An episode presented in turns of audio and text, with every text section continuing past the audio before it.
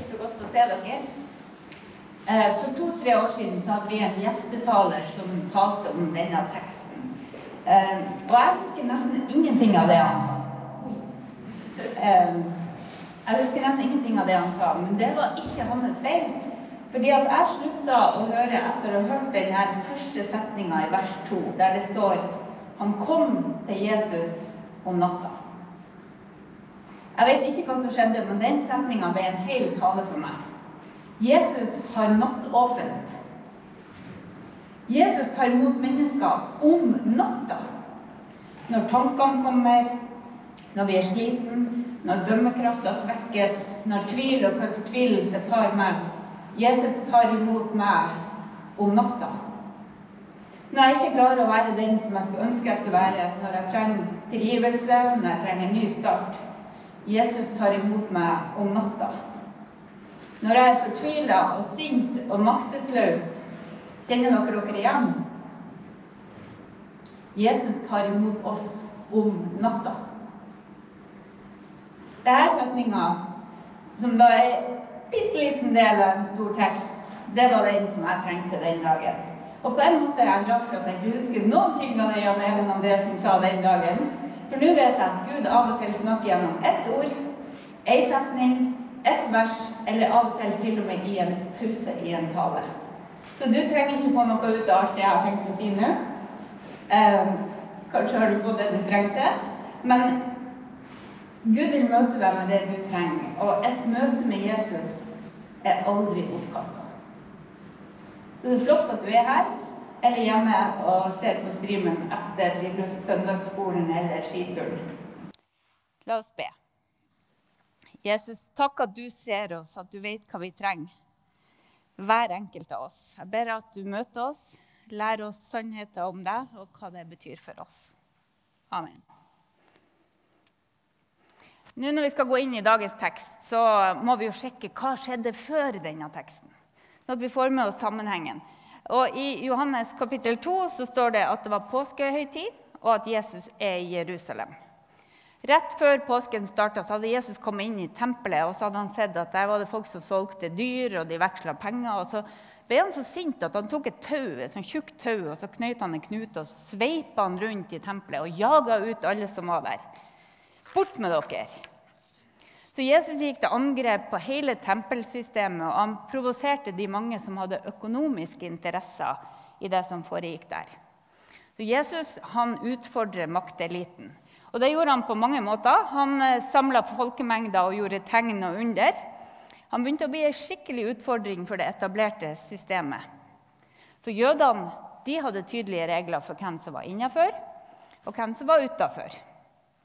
Johannes skriver i kapittel 2 eh, mens han, altså Jesus, var i Jerusalem under påskefesten, kom mange til tro på hans navn da de så de tegnene han gjorde. Og Det første tegnet Jesus, eh, Johannes skriver om, det var da Jesus gjorde vann til vin i et bryllup. Og sånn, Sånne tegn ble det snakk om. sant? Det var populært. Så dette er bakteppet for dagens historie. Og Så kommer vi da til den teksten som Johannes eh, skrev, og Johannes leste nettopp. I, i 3.1 der står det det var en mann som het Nikodemus. Han var fariser og en av jødenes rådsherrer. Og Nå kommer jeg til å kommentere hvert eneste vers utover, så bare forbered dere. I første vers får vi vite mye om, om eh, Nikodemus. Han var en fariser. Det betyr at han var en del av det ledende partiet på den tida. De fleste med teologisk utdannelse de var fariseere. Eh, spesialområdet deres var loven og profetene og Israels historie. Og de hadde faktisk pugga det meste av det vi kaller Det gamle testamentet. Ja, Det var før Netflix og YouTube og sosiale medier reduserte konsentrasjonen vår betydelig. Så vi kan tenke på Nikodemus som datidas professor i teologi. Han var professor i jødisk bibel. Han var en erfaren lærer, han var en åndelig veileder.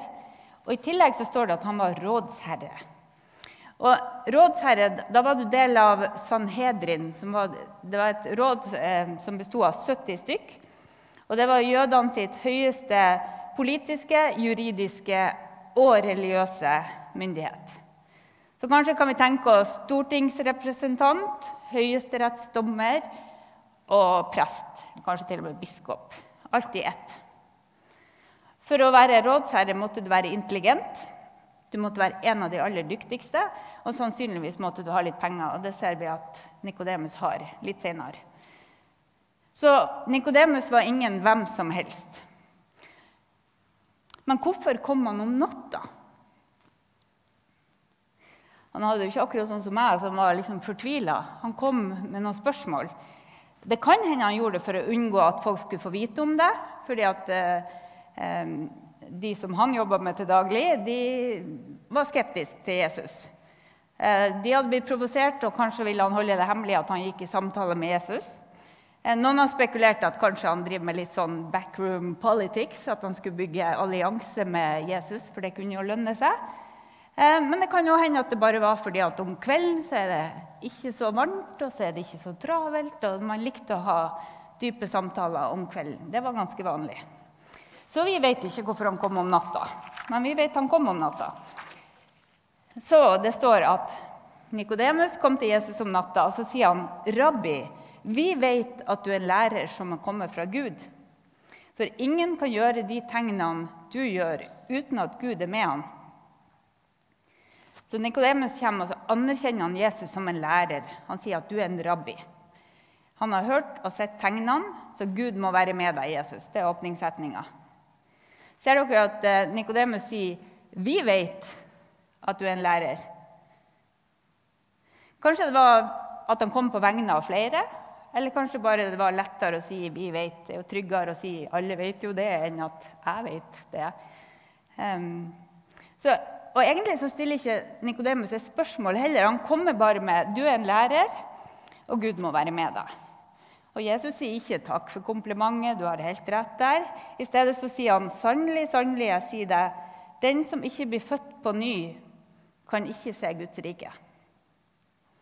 Og Det greske ordet her som er oversatt med 'på ny', det er det greske ordet 'anoten'. Og Det kan oversettes på to måter. Det kan oversettes med 'på ny' eller ovenfra. Altså fra himmelen. Han brukte sånn språket da var liksom her på jorda og der oppe. Så når det kom fra Gud, så kom det ovenfra. Og Nikodemus vet at dette ordet har to meninger, og han går rett på det mest konkrete. Hvordan kan en som er gammel, bli født? sa Nikodemus. Kan noen komme inn i mors liv igjen og bli født for andre gang? Vi kan jo ikke starte helt på nytt. Vi kan ikke bli et foster igjen. Det er jo umulig. Kan jeg få si et takk for det for alle som har født en liten baby? Tenk om vi måtte gjennom det en gang til eh, med store folk. Eh, for ikke snakke om å bli født igjen. Eh, kanskje Nikodemus er litt sarkastisk eller litt ironisk. Eller kanskje til og med litt sånn humoristisk. Ja, ja, vi kan jo ikke komme inn i magen til mamma igjen. Så, men uansett motivasjon så spør han for å få et svar. Jesus svarte, 'Sannelig, sannelig, jeg sier deg, den som ikke blir født av vann og ånd, kan ikke komme inn i Guds rike.' Det som er født av kjøtt, er kjøtt, og det som er født av ånden, er ånd. Undre deg ikke over det jeg sa til deg, dere må bli født på ny. Vinden den blåser dit den vil, og det hører den suser, men du vet ikke hvor den kommer fra, og hvor den farer hen. Sånn er det med dem som er født av Ånden. Så Jesus sier altså at du må ikke bare bli født på ny, men du må bli født med vann og ånd for å komme inn i Guds rike. Så det er ikke snakk om en ny fysisk fødsel, Nikodemus. Du må bli født ovenfra. Født av vann og ånd. Og Jeg tror Nikodemus la hodet litt på skakke nå. Så sier han, hvordan, hvordan kan det her skje? Et godt spørsmål, Nikodemus. Jeg er så glad du spurte. Jesus svarer, 'Du er en lærer for Israel og vet ikke det.' Sannelig, sannelig, jeg sier deg, vi taler om det vi vet og det vi har sett, men dere tar ikke imot vårt vitnesagn. Hvis dere ikke tror på når jeg taler om, om det jordiske, hvordan kan dere tro når jeg taler om det himmelske? Ingen annen er steget opp til himmelen enn han som er steget ned fra himmelen, menneskesønnen som er i himmelen. Skjønner du, Nikodemus? Jeg tror Jesus så nøye på ansiktsuttrykket til Nikodemus, og så tenker han Du er en intelligent mann. Skjønner du hva jeg sier? Du har undervist om det her i årevis. Du kan Skriftene, Nikodemus. Du har hørt om vannet, du har hørt om Ånden, du har lest profetene. Du kan historien til folket ditt. Ja, du kan det eh, profeten Jesaja skrev i, i kapittel 44, 3. Jeg øser vann over den tørste og bekker over det tørre. Jeg øser min ånd over din ett og min velsignelse over dine etterkommere. Nikodemus, du kan jo den 600 år gamle teksten fra Esekiel 36. Jeg stenker rent vann på dem, så de skal bli reine. Jeg renser dere for all urenhet og for alle avguder. Jeg gir dere et nytt hjerte, og en ny ånd gir jeg inni dere. Jeg tar steinhjertet ut av kroppen og gir dere et kjøtthjerte i stedet. Jeg gir min ånd i dere og gjør at dere følger forskriftene mine, holder lovene mine og lever etter dem. Fariseerne de trodde at Guds rike skulle komme. Og det skulle komme i fremtida, og det var for alle de som klarte å holde lovene. Så de, de jobba veldig hardt for å holde lover, holde forskrifter, og en dag skulle Guds rike komme. Og da skulle de få være en del av det. Men versene i Esekiel som Jesus eh, eh, kanskje hadde i tankene, de sier at Gud skal forandre mennesker. Mennesket trenger hjelp ovenfra fra himmelen, ifra Gud. Gud skulle rense dem og gi dem et nytt hjerte. Så Nikodemus, jeg snakker om et nytt liv. Ikke en forbedring av det livet du har, men et helt nytt liv med en helt ny kilde. Du må bli født av vann og ånd. Nikodemus, skjønner du? Vannet er en metafor for liv. Ja, på mange vis så er jo vann liv. Og vannet, det renser. Og hva mer tenker vi på med vann? Er det noen som kommer på en ting vi tenker på når vi snakker om vann? Dåpen. Da Jesus ble døpt, så åpna himmelen seg, og så kom ånden ned som en due. Så Jesus ble døpt med vann og ånd. Og Nå tilbyr Jesus det samme til Nikodemus som han tilbyr til alle andre mennesker, nemlig en mulighet til å bli tatt inn i Guds rike som et Guds barn gjennom en fødsel som kommer ovenfra. Vi skal bli født på ny ved Den hellige ånd, som det står i vår dåpsliturgi. Den nye fødselen handler altså ikke om en fysisk fødsel, men om en helt ny start. Et helt nytt liv der Ånden får ta lov å ta plass i oss. Det blir en ny kilde. Men hvordan skulle det skje? Det spurte Nikodemus om. Og Nå henter Jesus fram en historie fra 4. Mosebok 21, 4-9. Dette var en historie som Nikodemus antagelig kunne utenat. Han var i hvert fall veldig godt kjent med historien. Og Kortversjonen er sånn som det her. Israelittene var i ørken. De var i opprør mot Gud, for de likte ikke maten. De fikk manna hver eneste dag, så de klaga, og så ønska de seg tilbake til Egypt. Og Da fortelles det at de fikk slanger inn i leiren som beit folk, sånn at de ble syke og døde. Og Da angra folket seg, og så gikk de til Moses og så sa de at vi trenger hjelp. Og Så gikk Moses til Gud, og, ba, og da sa Gud til Moses Ta kobber og lag en kobberslange. Og så tar du og henger den opp, høyt opp på ei stang. Og Alle som hadde blitt bitt, de skulle se opp på den kobberslangen. Og da skulle de bli friske, og så skulle de få leve. Dette er jo en litt merkelig historie.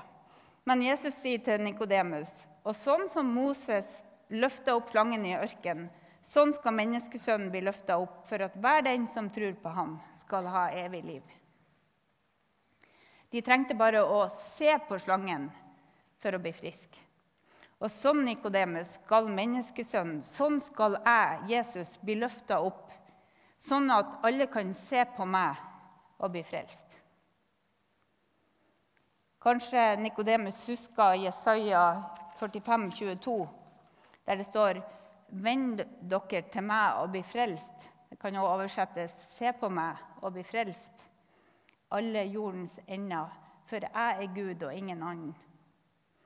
Det fantes mange sånne referanser i skriftene til nytt liv, til vann og ånd. Så det er på ingen måte en ny idé for Nikodemus. Men så kommer det her verset som vi kaller for Den lille bibel, som oppsummerer det aller viktigste i trua vår. Jesus sier, 'For så høyt har Gud elska verden, at han ga sin sønn den enbårne', for at hver den som tror på ham, ikke skal gå fortapt, men ha evig liv. Så hvis du lurte Nikodemus, så skal jeg dø. Jeg skal bli hengt på et kors, og folk skal se på meg og tro og bli frelst til evig liv. Mennesket sånn som det er i seg sjøl, er ikke kvalifisert for Guds rike. Du må bli født ovenfra, av vann og ånd. Og Guds rike det er åpent, ikke fordi vi klarer å leve etter budene og gjøre alt rett, men fordi at Gud elsker verden så høyt at han ga sin sønn den eneste, for at hver den som tror på han ikke skal gå fortapt, men ha evig liv.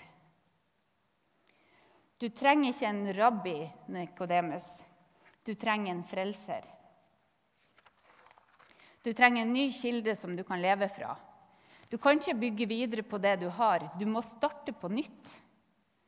Dette er ganske radikalt, og vi vet ikke helt hvordan Nikodemus reagerer. For teksten den, den fortsetter bare med at Jesus snakker, og Nikodemus er ikke der lenger. Men jeg tror vi kan spekulere på hvordan det gikk. fordi vi ser Nikodemus to ganger til i Johannesevangeliet.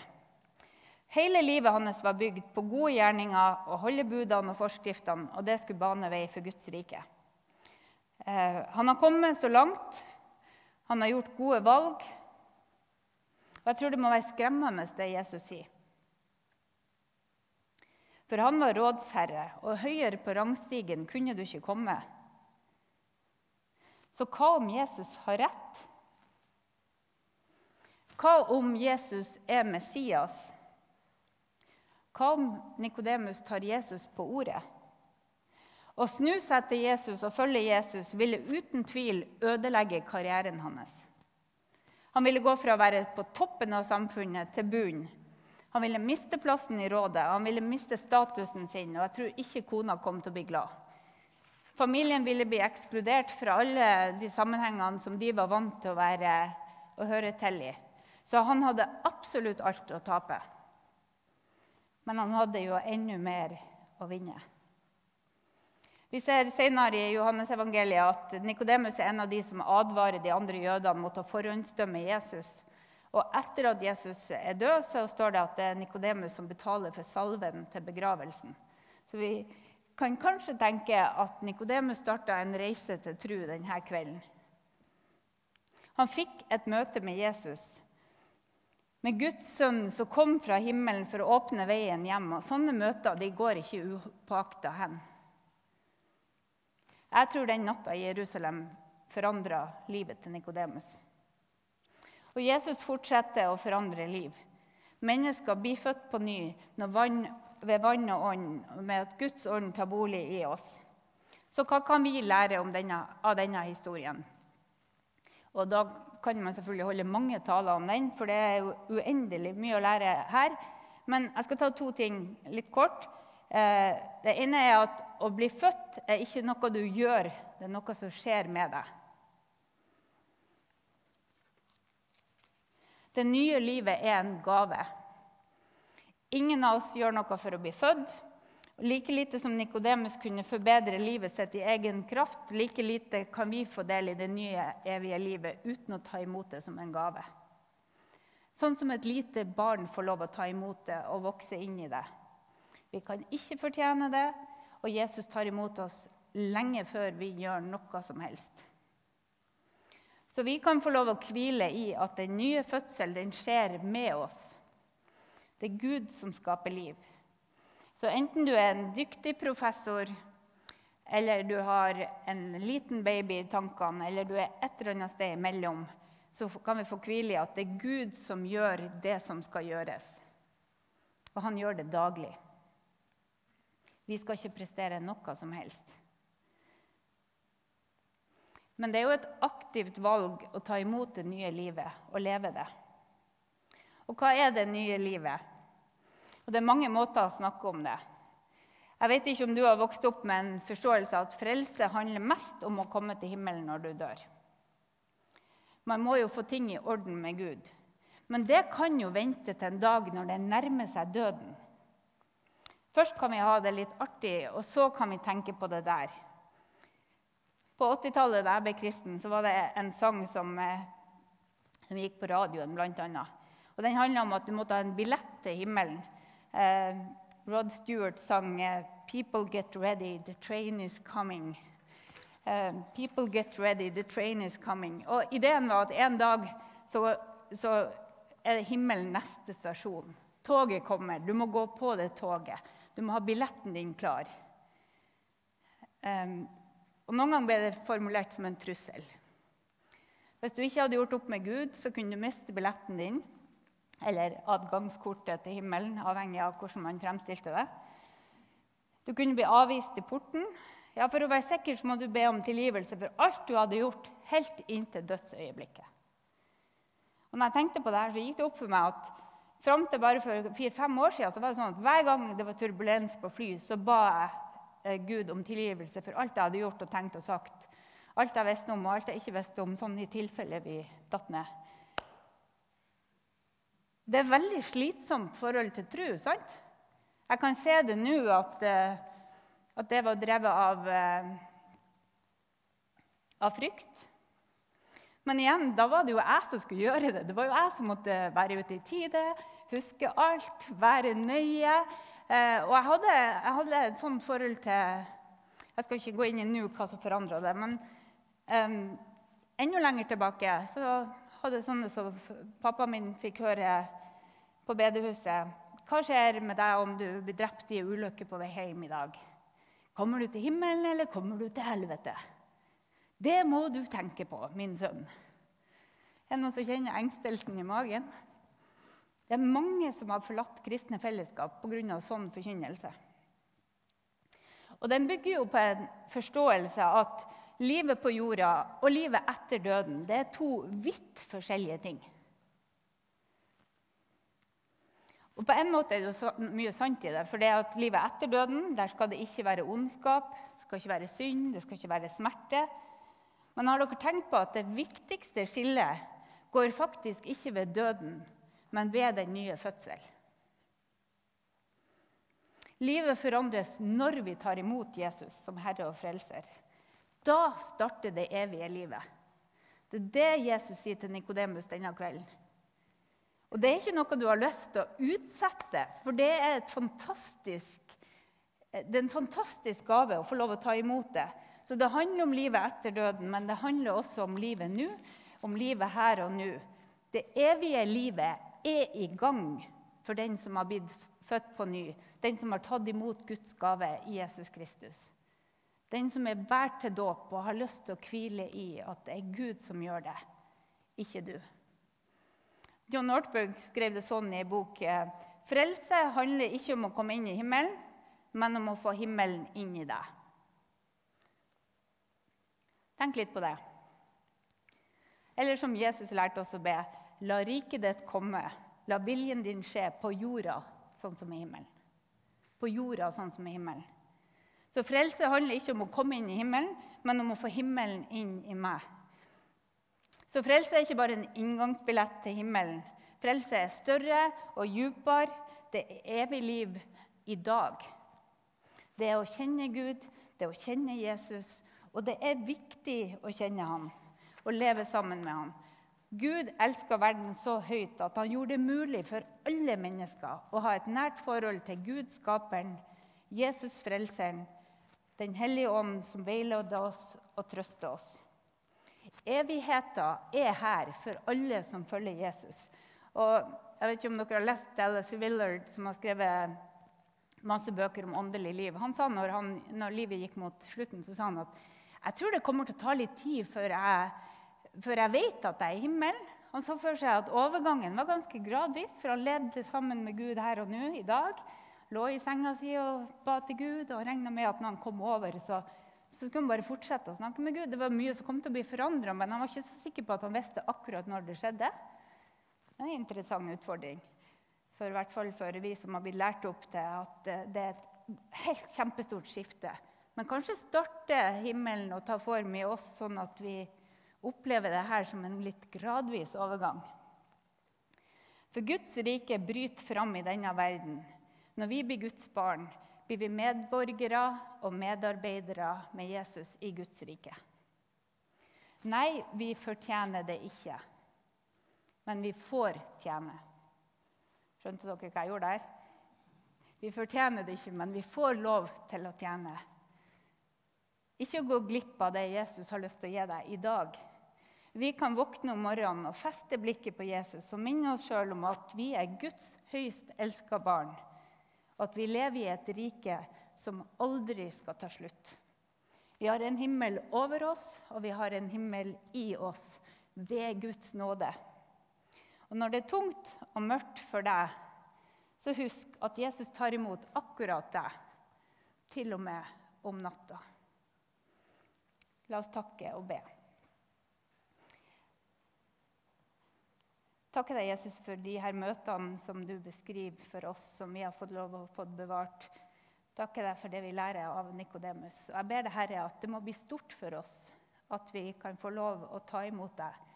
Jeg ber for alle som ikke har gjort det, og som lurer på om det her kanskje er noe for dem. å bli en kristen. Jeg ber om at de skal få mot til å gjøre det, og at du velsigner dem. Jeg ber deg for alle de som tror, at vi kan få lov å huske at vi er dine og at vi kan få lov å invitere flere med. Vi priser ditt navn. Amen.